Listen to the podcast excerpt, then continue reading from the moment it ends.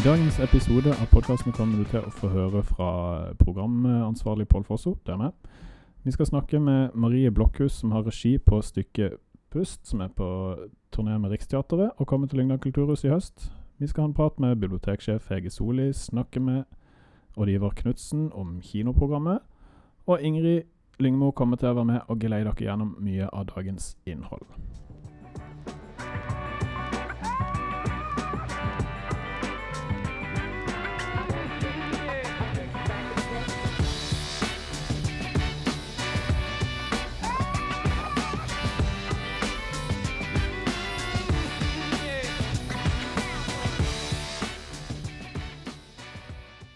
Ja, men da sparker vi i gang eh, Kulturhuset bak scenen, en slags podkast som kommer fra backstage på Kulturhuset i Lyngdal.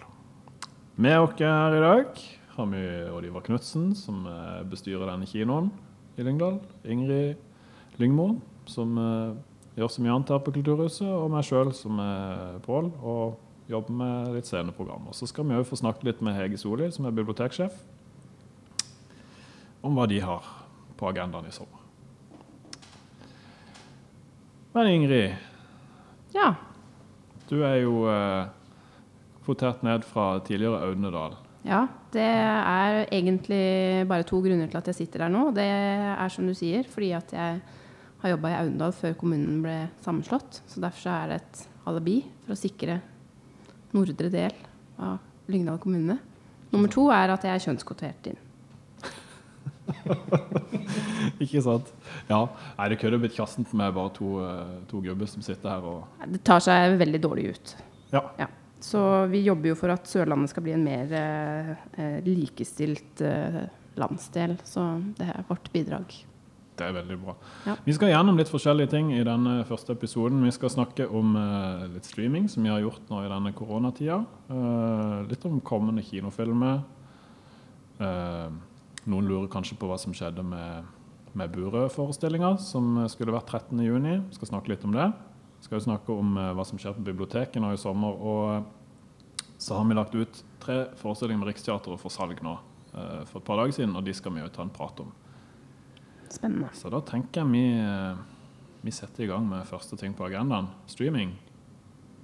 Ja, og da er det jo sånn at vi har hatt et eh, stream, ganske bra streamingprogram på Kulturhuset nå i, i vår, eh, som eh, konsekvens av korona. Eh, vil du oppsummere det litt, Pål?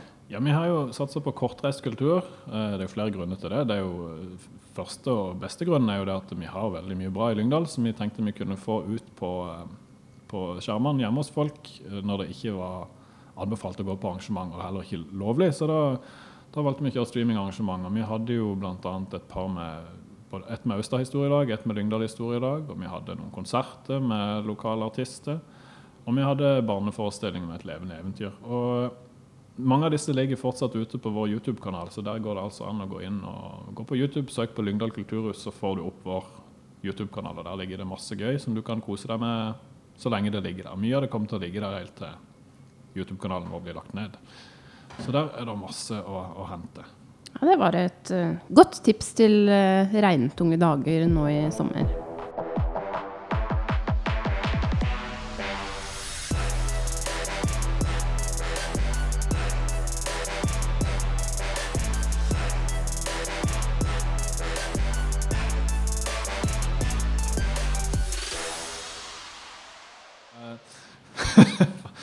13.9 blir det en ny forestilling med Ørjan Bure. Eh, han skulle som sagt vært her 13.6, og uh, da kan jeg glede de som har kjøpt billett fra før, med at de kan uh, bare sitte rolig og vente. De vil få nye billetter tilsendt på e-post. Uh, har du kjøpt billett i skranken på biblioteket, så vil jeg anbefale å ta kontakt. Eh, så vi kan få, ordna det for deg òg. Alle, alle skal få beholde sine billetter. Og er det noen som mot formodning ikke kan delta på forestillinga, så skal de få mulighet til å få refundert de billettene. Men eh, vi håper jo flest mulig vil komme og se forestillinga. Og så vil det bli lagt ut eh, ytterligere noen billetter som, eh, som kan selges. Alt er tilpassa disse koronareglene. Og de billettene som allerede er solgt, vil da òg bli flytta litt rundt på, sånn at det kommer avstand mellom grupper, så ikke det, ikke det er noe smittefare utover det som er anbefalt. Så Eh, det kan vi glede publikum med. Men eh, kapasiteten er mindre enn normalt. da. Så det, det vil bli en ganske eksklusiv forestilling. Ja, altså Du garanterer altså for sikkerheten, men kan du garantere for eh, at eh, lattermusklene får noe å jobbe med? Ja, nå har ikke jeg sett dette showet. Jeg så forrige showet til Ørjan Bure, og jeg syns det var fryktelig morsomt. Så, og han er en drivende dyktig komiker, så, så, det kan jeg trygt anbefale. Han pleier alltid å selge ut salen, og det gjør han garantert nå òg. Han, by, han byr jo på seg sjøl denne gangen. I, I, veldig stor grad. Showet heter jo 'Store gutter gråter ikke'. og Eh, det er mye alvor og, og eh, ja, litt sånn hverdagshumor, men han er, han er velformulert og eh, poengtert. Så, så, dette blir utrolig gøy, tror jeg. Det høres bra ut. Ja, da har vi altså ett arrangement som eh, er litt lettere underholdning. Men vi skal jo også ha noen teaterforestillinger av det litt mer alvorlige slaget. Vi begynner med Per Gynt, stemmer ikke det? Jo, Fredag 4.9 så kommer Riksteatret med første forestilling eh, til dere her i høst. Da har de fått med seg Anders Bosmo, og han skal jo selvfølgelig da være Per Gynt. Og Det som er litt spesielt med denne, er jo at du kommer veldig tett på Per Gynt. Hvem er egentlig denne, denne fyren? Og for å, for å, poengtere det, så har de valgt å legge handlinga til kjøkkenet til Per Gynt. Så de sitter inne på hans kjøkken og har samtale. og en litt annerledes versjon enn det folk har sett før. Så denne her passer jo egentlig for alle de som har sett Per Gynt flere ganger, har lest eh, Per Gynt, og òg for eh, helt nykommere som aldri har hatt noe forhold til denne forestillinga. Garantert eh, noe å hente for alle på den. Og jeg er ganske sikker på at det blir utsolgt. Det er jo eh, koronaregler på alle forestillingene i høst. Det vil si at det er ganske begrensa kapasitet, men publikum skal føle seg trygge på at eh, sikkerheten er ivaretatt vi gjør alt vi kan for å, for, for å gjøre det. Og jeg vil bare anbefale publikum å være litt tidlig ute med å få seg billetter, fordi det, det, er som sagt færre billetter ute for salg enn ellers. Og Da ser jeg at det er et rødt lys borte hos rådgivere her. Du, Pål, det, det, er jo et stjernelag som eh, kommer til, til Lyngdal eh, denne gangen, i Per Gynt. Kan du si noe hvem som står på scenen? Det kan jeg. Det er jo som sagt Anders Bosmo som er Per Gynt, da, og så har vi Gisken Arman. Ole G. Furuseth, Jan Sæli og Thea Lambrecht Vaulen som er på scenen. Og regissøren er jo Ole Anders Tandberg, så dette kan jo ikke annet enn å bli veldig bra. Spennende. Men uh, nå er det jo sånn at uh, både Burøe og Per Gynt kanskje egentlig ikke egner seg helt for de yngste innbyggerne i kommunen vår. Har du noen godbiter på lur til barnefamiliene? Ja, det har vi selvfølgelig. Uh, og det kommer mer òg, men nå skal jeg trekke frem én forestilling som vi har lagt ut for salg nå. Og det er verdens nest kuleste forestilling, som er på turné med Riksteatret og er et samarbeidsprosjekt med det nye teatret i Oslo. Og, uh, nei, unnskyld, det andre teatret. Dette er rett og slett improvisasjonsteater, så her kan publikum være med og forme forestillinger. Det er ingen forestillinger som er helt like. De som sitter i salen, skal komme med tema og, eh, og, forslag til hva som skal dramatiseres på scenen. Og så, så, dramatiserer de det live foran publikum. Og det er, blir beskrevet som en underholdningsbombe for hele familien og passer godt fra barn fra fem år oppover. Og Riksteatret, eller Det andre teatret sier selv at denne forestillingen er fredagskveld og lørdagskveld og bursdag på en gang. Og ja, Her får du faktisk muligheten til å se en teaterforestilling om akkurat det du sjøl har lyst til å se en forestilling om. Du kan bestemme hva den skal handle om, og det er jo ganske spesielt. Det tror jeg de færreste kanskje har vært med på før. Det høres jo veldig gøy ut, men eh, jeg lurer jo veldig på hva som er verdens kuleste forestilling. da. Det lurer jeg òg på. Eh, kanskje vi finner ut av det. Kanskje de, kanskje de sier noe mer om det. det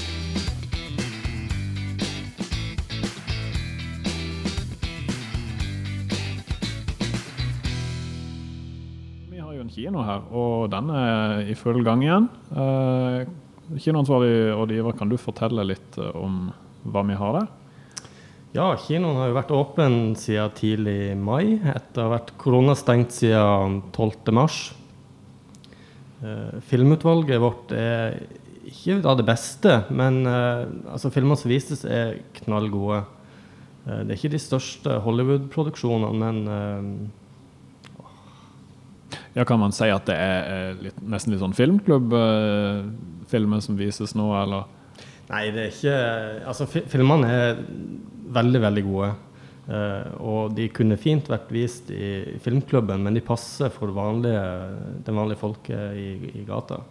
Men de som, de som, ønsker å gå på kinoen, eller tenker at uh, er ikke det litt skummelt, liksom, hva, hva, kan du si til? Nei, Det er ikke skummelt å, å gå på kino, det er, det er, helt trygt. Vi har masse koronatiltak med antibac i både kiosken og på toalettene og når du går inn i kinosalen. Eh, ansatte bruker engangshansker når de popper popkorn og tar imot eh, penger.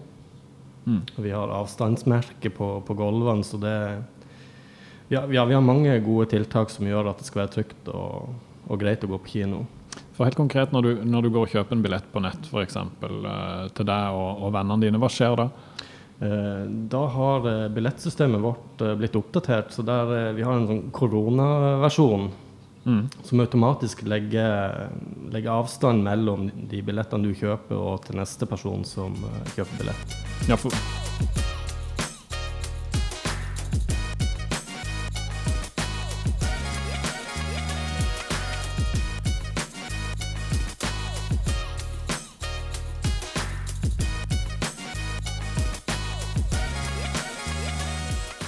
Da har vi fått med oss biblioteksjef eh, Hege Soli. og eh, nå er det jo sommeråpningstider og uh, litt aktivitet i sommerferien. Kunne du tenke deg å, å, dele litt av det? Det kan jeg. Um, vi har jo tre bibliotekavdelinger i, for Lyngdal bibliotek. Uh, det er Byremo, Konsmo og Lyngdal. I Lyngdal da har vi åpent fra, fra med 22.6 til 15.8. Så har vi åpent fra mandag til lørdag fra klokka 10 til 15. Så har vi meråpent tilbud i samme tidsrom fra, fra, tirsdag til lørdag fra klokka seks om morgenen til klokka ti om kvelden. På Konsmo så må vi dessverre holde stengt. Der venter vi på og gleder oss til å få flytte inn i nytt biblioteklokale. Og på Byremo der har vi vanlige åpningstider gjennom sommeren, unntatt uke 28 til 31. Da er det feriestengt andre ting, så det kommer til å skje litt forskjellige ting på bibliotekene her eh, sommeren. Eh, vi er med i tilbudet med sommerferieguide eh, den 30. juni klokka 12. Da får vi besøk av to forfattere som skriver om superhelter. De har en serie som heter Sju. Og det er Christian Landmark og Ole Bernt Tellefsen. Så de kommer her til Kulturhuset for å fortelle om den serien. Den tror jeg er verdt å få med seg. Den 5. august da vi, får vi besøk av kunstner Erlend Helling Larsen. Han skal ta med de som vil være med på kunstverksted rundt omkring i huset. Skal gå på oppdagelsesferd, se på overflater, og så skal vi, de som er med på kurset, lære eller lage kunst ut av det. Det tror jeg vi blir bra. Og så må vi jo nevne Sommerles hvis du har lyst til å være med på en sommerleskampanje, det er en nasjonal kampanje, så kan du gå inn og, og du er mellom eh, ja, seks år og opp til 7. klasse, så kan du gå inn på sommerles.no og registrere det. Så kan du registrere alt du leser i løpet av sommeren. Eh, og så kan du komme på biblioteket innimellom når du kommer opp på ulike nivåer, eh, og så få noen premier. Så vi håper mange blir med på det. Ja, for jeg, jeg, har eh, noen unge som er veldig glad i sommerlese. Kanskje vi kan forklare litt hvordan dette konseptet fungerer. For det er jo litt som, som et slags spill, på en måte, mhm. der du, du, øker i nivå. og det er, det er ganske stilig lagt opp og, ja. og engasjerende og fengende for ungene. Det er ikke bare det å lese bøker som i seg sjøl er, er, er, greia her. Det er motivasjonen i dette. Ja, det er begge deler. Fordi det handler jo om å eh, få, altså, det, Du registrerer deg på sommerles.no, og da kommer du inn i et, uh, både et spill, og du kan registrere hvor mange bøker du leser. Og inne i sommerles.no, på den nettsida der, så kan du òg få lov å være, lese en historie som er skrevet spesielt til denne kampanjen av en forfatter som heter Mari Moen Holsve. Uh, og det som du sier, det er litt dataspill uh, over det. Så du må løse oppgaver der inne. Og jo mer du leser, jo høyere nivå kommer du på. Eh, og um, det handler litt om du kan f.eks. lage noen sånne lesekombinasjoner som du kan få ekstra poeng for, osv. Så, videre. Så eh, jeg tror eh, Altså, nå har sommerleskampanjen vært i gang i nesten to uker. Og det er 175 000 sider som er lest av deltakerne som er med i Lyngdal. Det er fantastisk. Ja. Mm. Så det er moro. Det er veldig bra. Så det er litt som skjer på biblioteket i sommer. Er det, er det andre ting du ønsker å fortelle litt om? Ja, vi har lyst til å gjøre tilgjengelig sånn at uh, de som kommer til oss, spesielt barn, da, kan uh, lage, gjøre litt aktiviteter. Så, så, vi kommer til å ha sånn ukentlige lagaktiviteter. Alt fra bokmerker til drømmefangere til litt forskjellige ting.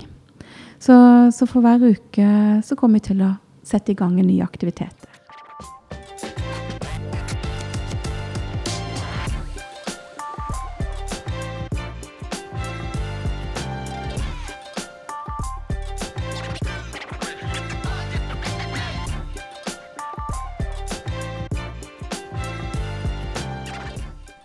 Nå skal vi ta en liten prat med Marie Blokhus, som er aktuell som regissør på Stykkepust, som kommer på Lyngdal kulturhus søndag 8.11.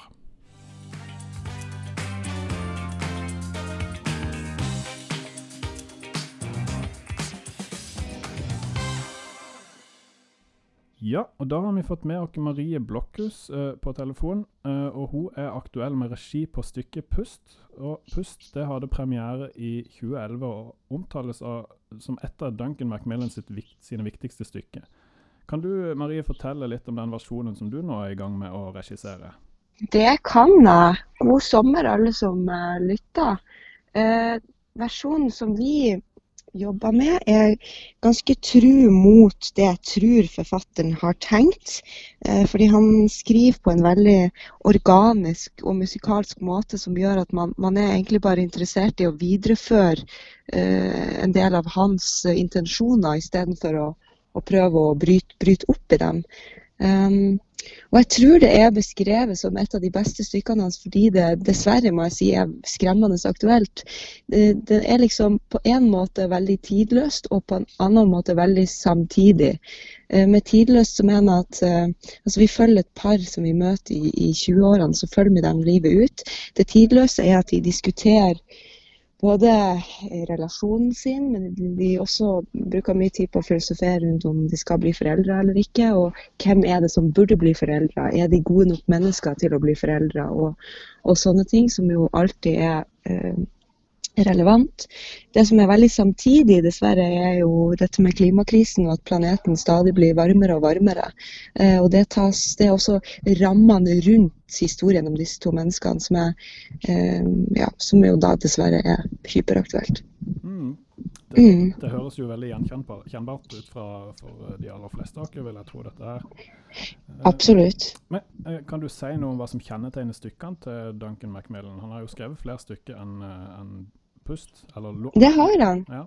Jeg har sett et av stykkene hans tidligere spilt på Nationaltheatret.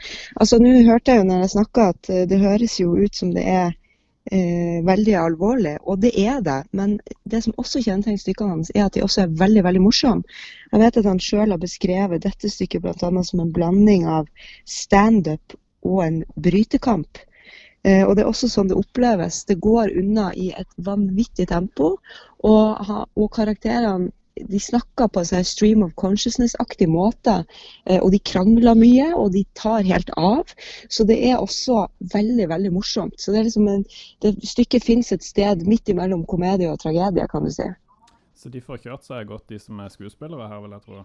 De får virkelig kjørt seg på alle måter. Vi hadde en liten gjennomgang før ferien, og de var helt utslitt etterpå. det er herlig. Men dette her stykket mm. har jo da blitt satt opp uh, over store deler av verden. og uh, hva, du, hva, hva, tenker du som regissør at det er årsaken til at det engasjerer i så stor grad som det gjør? Det er ufattelig gjenkjennbart. Uh, altså Det er så mange ting de sier når de, når de krangler som verst, som jeg tenker sånn Å, herregud, det der har jo jeg sagt. Og det der har jeg sagt mange ganger. Så man blir på en måte, man møter seg sjøl i døra, tror jeg nesten uansett hvem man er. Eh, og så er det jo klart, Man pleier å si at ja, dette stykket er aktuelt for alle aldersgrupper, men dette stykket er virkelig det. fordi det foregår både i 20-årene, 30-årene, 40-årene, 50-årene, 60-årene, 70-årene osv. Så sånn at eh, det er liksom, det følger disse menneskene gjennom flere faser i livet. da. Eh, og det er bare de små, fra de små situasjonene til de store tematikkene. Eh, så føles føles ut som det handler om oss. altså Det føles ut som det handler om meg, og det tror jeg de fleste kommer til å tenke. Veldig spennende. Mm. Men du, vi kjenner jo deg, Marie, som både TV- og teater- og filmskuespiller. Eh, er det noen høyde, høydepunkter fra karrieren din som du eh, kunne tenke deg å trekke fram sjøl? Oh, um, ja, jeg, jeg syns det var veldig, en veldig stor ære å få lov å spille Hamlet ved Det Norske Teatret for noen år tilbake. Det var en stor opplevelse for meg. Eh, og så var det også eh, helt fantastisk å få lov å komme til Den nasjonale scenen i Bergen i fjor og, og da ha regi på mitt første teaterstykke der. Eh, og, det, og jeg må også faktisk trekke frem Pust, selv om vi akkurat har begynt, fordi det oppleves som veldig meningsfullt å få lov til å, å være med i produksjoner som man, man brenner for, og som man forstår hvorfor man setter opp.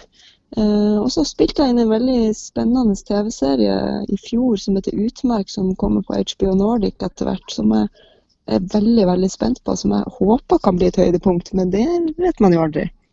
Nei, men da har, eh, har TV-titterne noe å glede seg til der, i hvert fall. Mhm. Og den kom ut i høst, sa du, på HBO? Jeg vet ikke, jeg tror ikke det er helt bestemt pga. korona når den kommer. Den kommer nok i vinter eller tidlig neste år. Den kommer plutselig, i hvert fall. Ja. Ja. Eh, vi har jo sett det i, eh, i mange forskjellige sjangre, fra lettbeint humor i Side om side og andre, andre serier, men òg gripende Mhm. drama. Og nå sitter du i regissørstolen. Eh, så da vil jeg gjerne spørre deg, hvis du kunne velge fra øverste hylle, hva kunne du tenke deg å konsentrere deg om i tida framover? Å, fint spørsmål. Nei, altså jeg synes det Jeg kommer alltid til å være skuespiller, så jeg kommer alltid til å være interessert i å trekkes mot spennende uh, roller uh, på den sida. Men jeg syns også det er veldig givende å få lov til å begynne å jobbe litt med regi.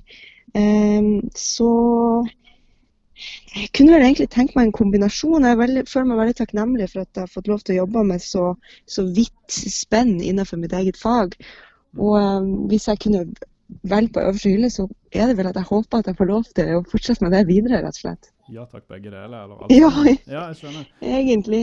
Ja, for dette, dette er vel ditt andre stykke der du har regi, er det ikke det? Jo, det er bare mitt andre, ja. Ja, nei, men så Mm. spennende. Du er jo òg eh, samboer og kjæreste med Anders Bosmo Christiansen. Og Er det noe du kan trekke frem av fordeler og ulemper med å være to profesjonelle skuespillere i et parforhold? Altså Det som på en måte jeg tror er en fordel med har, Jeg har jo også veldig mange nære venner i denne bransjen. Mm. Så jeg har jo mange som jeg er glad i, som, som liksom driver med det samme. Det som er Fordelen med det er jo at man forstår hverandre sine prioriteringer. En ting er at man kan diskutere spesifikke stykker og, og faget generelt, men man kan også forstå at av og til er det mye reising. Eh, av og til trenger man en viss type konsentrasjon. Eh, av og til kan man bli veldig prega av roller man spiller hvis det er heftige prosjekter. Så du kan si den sida er jo er jo fin, man, man, man slipper å forklare prioriteringer. Men så tror jeg også det er sunt å liksom omgi seg med folk som holder på med forskjellige ting. For det kan også være litt farlig å bare bli stuck i en sånn her skuespillerboble. Det kan jeg tenke meg, ja. Mm. Mm. Nei, for det er jo sikkert litt forskjellig arbeidstid fra, fra mange andre yrker, og sikkert mye jobbing på kveldstid og sånt. Eh, Ja, ja. men eh, du kjenner jo som, som sagt hovedrolleinnehaveren i Per Gynt, som er et annet stykke som kommer til Lyngdal kulturhus eh, mm. til høsten. Han kjenner du relativt godt. og det er jo da Anders Båsmo Christiansen som, eh, som vi snakker om. Og vi gleder dere jo veldig til å få besøk av både Pust og Per Gynt denne høsten. Men kan du si, noe- si noe om hva publikum kan forvente av, av andre, det andre stykket, Per Gynt? Ja, altså jeg kan egentlig bare spekulere, for jeg har jo ikke sett uh, hva de holder på med. Men uh, jeg vet at både Anders og de, alle de andre skuespillerne er veldig engasjert i arbeidet. Og jeg har liksom jeg har fått et visst inntrykk. Eh, ja, det er fem veldig sterke skuespillere. Mm. Eh, jeg tror man får se en, en veldig uh, konsentrert, offensiv, men veldig forståelig versjon av det, er mitt inntrykk. Men igjen, jeg bare spekulerer. Det er på en måte en, det er jo en helt fantastisk tekst, en av de aller beste. Og den kan også være veldig avansert. Men jeg tror disse skuespillerne vil klare å tilgjengeliggjøre denne historien eh, for alle rundt omkring i Norge. Jeg håper liksom folk kan gå inn og gå ut og bare yes, jeg forsto, Nå nå forsto jeg Per Gynt på en ny måte. Det tror jeg er ambisjonen, og det er jeg også helt sikker på at de kommer til å lykkes med. Ja, for de har jo valgt et, et scenografisk grep med å legge handlinga til kjøkkenet til Per, Yes. til per Gynt, og det er jo litt interessant, da. det er kjempeinteressant, og det kommer folk ut av skap og ut av vasken. Og, så det tror jeg kan bli, eh, jeg tror det kan bli skikkelig kult. altså. Ja, veldig spennende. Så prøvene er jo i gang der. Uh, Mm. Men du har jo tidligere besøkt Lyngdal kulturhus med forestillinga 'Blackbird', som, Ja. som jeg sjøl syns var utrolig sterk og engasjerende. Uh, Kan du fortelle litt om hvordan det er å være på turné med Riksteatret, og hvordan du opplevde akkurat den turneen der? Ja, det kan jeg. Takk for de ordene, forresten. Um, altså, når jeg kommer fra Bodø, og når jeg var liten, så var det jo Riksteatret og Nordland Teater som var liksom det som, det som var av, av teatertilbud der, så jeg gleda meg alltid veldig til, til de skulle komme. Jeg husker jeg pleide å melde meg som bærehjelp. uh, så jeg kom som sånn tynn, hengslete liten tenåringsjente og skulle være med å bære disse tunge rekvisittene. Og, og tenkte liksom til og med at bussjåføren med sneipen i munnen bare Wow, han er magisk! Så jeg har liksom hatt et veldig sånn romantisk forhold til Riksteatret hele livet. Og det har jeg egentlig fortsatt. De gangene jeg har vært på turné, så har jeg likt det veldig godt. Fordi, nettopp fordi at vi reiser rundt, sånn som til Lyngdal og til andre steder. Jeg opplever at folk er takknemlige for at Riksteatret uh, kommer ut. Og, og, og det er, folk er veldig hyggelige, arrangørene, dere som tar imot. Det er liksom en veldig positiv opplevelse hver gang. Og dessuten så tvinges man til å finne opp forestillinga litt på nytt hver eneste kveld, fordi at lokalene er forskjellige. Og det gjør at man holder seg konsentrert, eh, man holder seg liksom på merket. Så det syns jeg er veldig gøy, da. Um, akkurat med Blackbird så var det faktisk en veldig spesiell turné, fordi det var et stykke som omhandla eh, ja, hva man skal si, incest på et vis. Altså, det var en overgrepshistorie. Eh, og da hadde jeg veldig sterke møter med folk underveis. Fordi folk kom til meg og liksom sa at de hadde opplevd ting, og de ringte til meg. og uh, så det var en sånn merkelig følelse av at fiksjon og, og virkelighet virkelig fant et treffpunkt. da, Som jo jeg føler at eh, ofte kan være målet med kunsten. da, At, liksom, at eh, fiksjonen ofte kan fremstille virkeligheten klarere og tydeligere enn enn den er. Eller enn vi ser den eh, til hverdags. Ja, og da åpner du opp et rom som, som man kanskje må være forberedt og klar for å ta imot. Eh, Mm.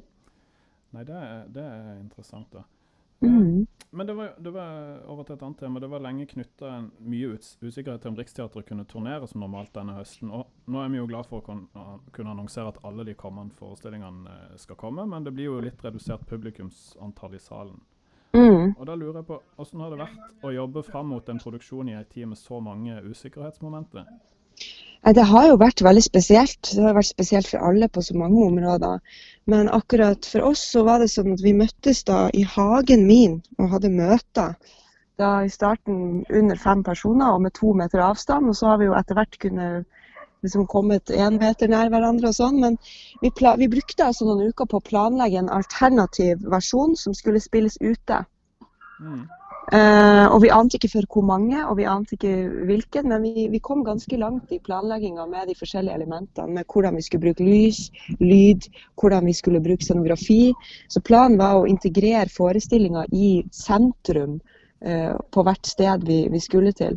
Yes. Men så gikk jo dette heldigvis uh, og får, får vi håpe at fortsatt eh, rette veien. Så vi ble veldig glad når vi fikk beskjed om at vi går for plan A, Kulturhuset er med.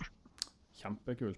Men jeg synes jo, Mm. jo mye av det du nevner her, er jo i det som kanskje kunne vært forfulgt i framtida òg. Dette med teater i sentrum. Riksteatret er jo kjent for å være lekne og, og tørre å prøve nye ting. Så Ja, tenker kanskje ikke kaste tanken helt i søppeldunken heller, selv om dere kommer på scenen denne gangen. Så, så håper jeg Nei, det er sant. Du har et poeng. fordi det, som var viktig for meg når vi drev og snakka om dette, her, det var hva er det som er spesielt med Riksteatret? Jo, det er at vi reiser rundt til de forskjellige stedene. Så jeg hadde ikke lyst til å bare spille i Oslo og streame det. Det var liksom, det var liksom essensen med Riksteatret borte.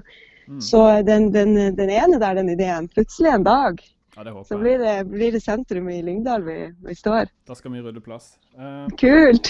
Da vil jeg bare avslutningsvis eh, få lov til å takke så mye for at du eh, tok deg tid til å snakke litt med oss, og vi gleder dere veldig til å ta imot Pust til høsten. Jeg vil bare avslutningsvis spørre deg, skal du følge turnébussen sjøl noen ganger til noen steder denne gangen? Eh, altså, Hvis eh, timeplanen min tillater det, så, så har jeg lyst til å komme ut på veien eh, flere ganger, ja. Absolutt. Da inviterer vi deg til Lyngdal, og så håper vi vi ses her. Å, tusen takk. Og tusen takk for denne praten. Og jeg, jeg, jeg er veldig spent på hva publikum i Lyngdal syns om først.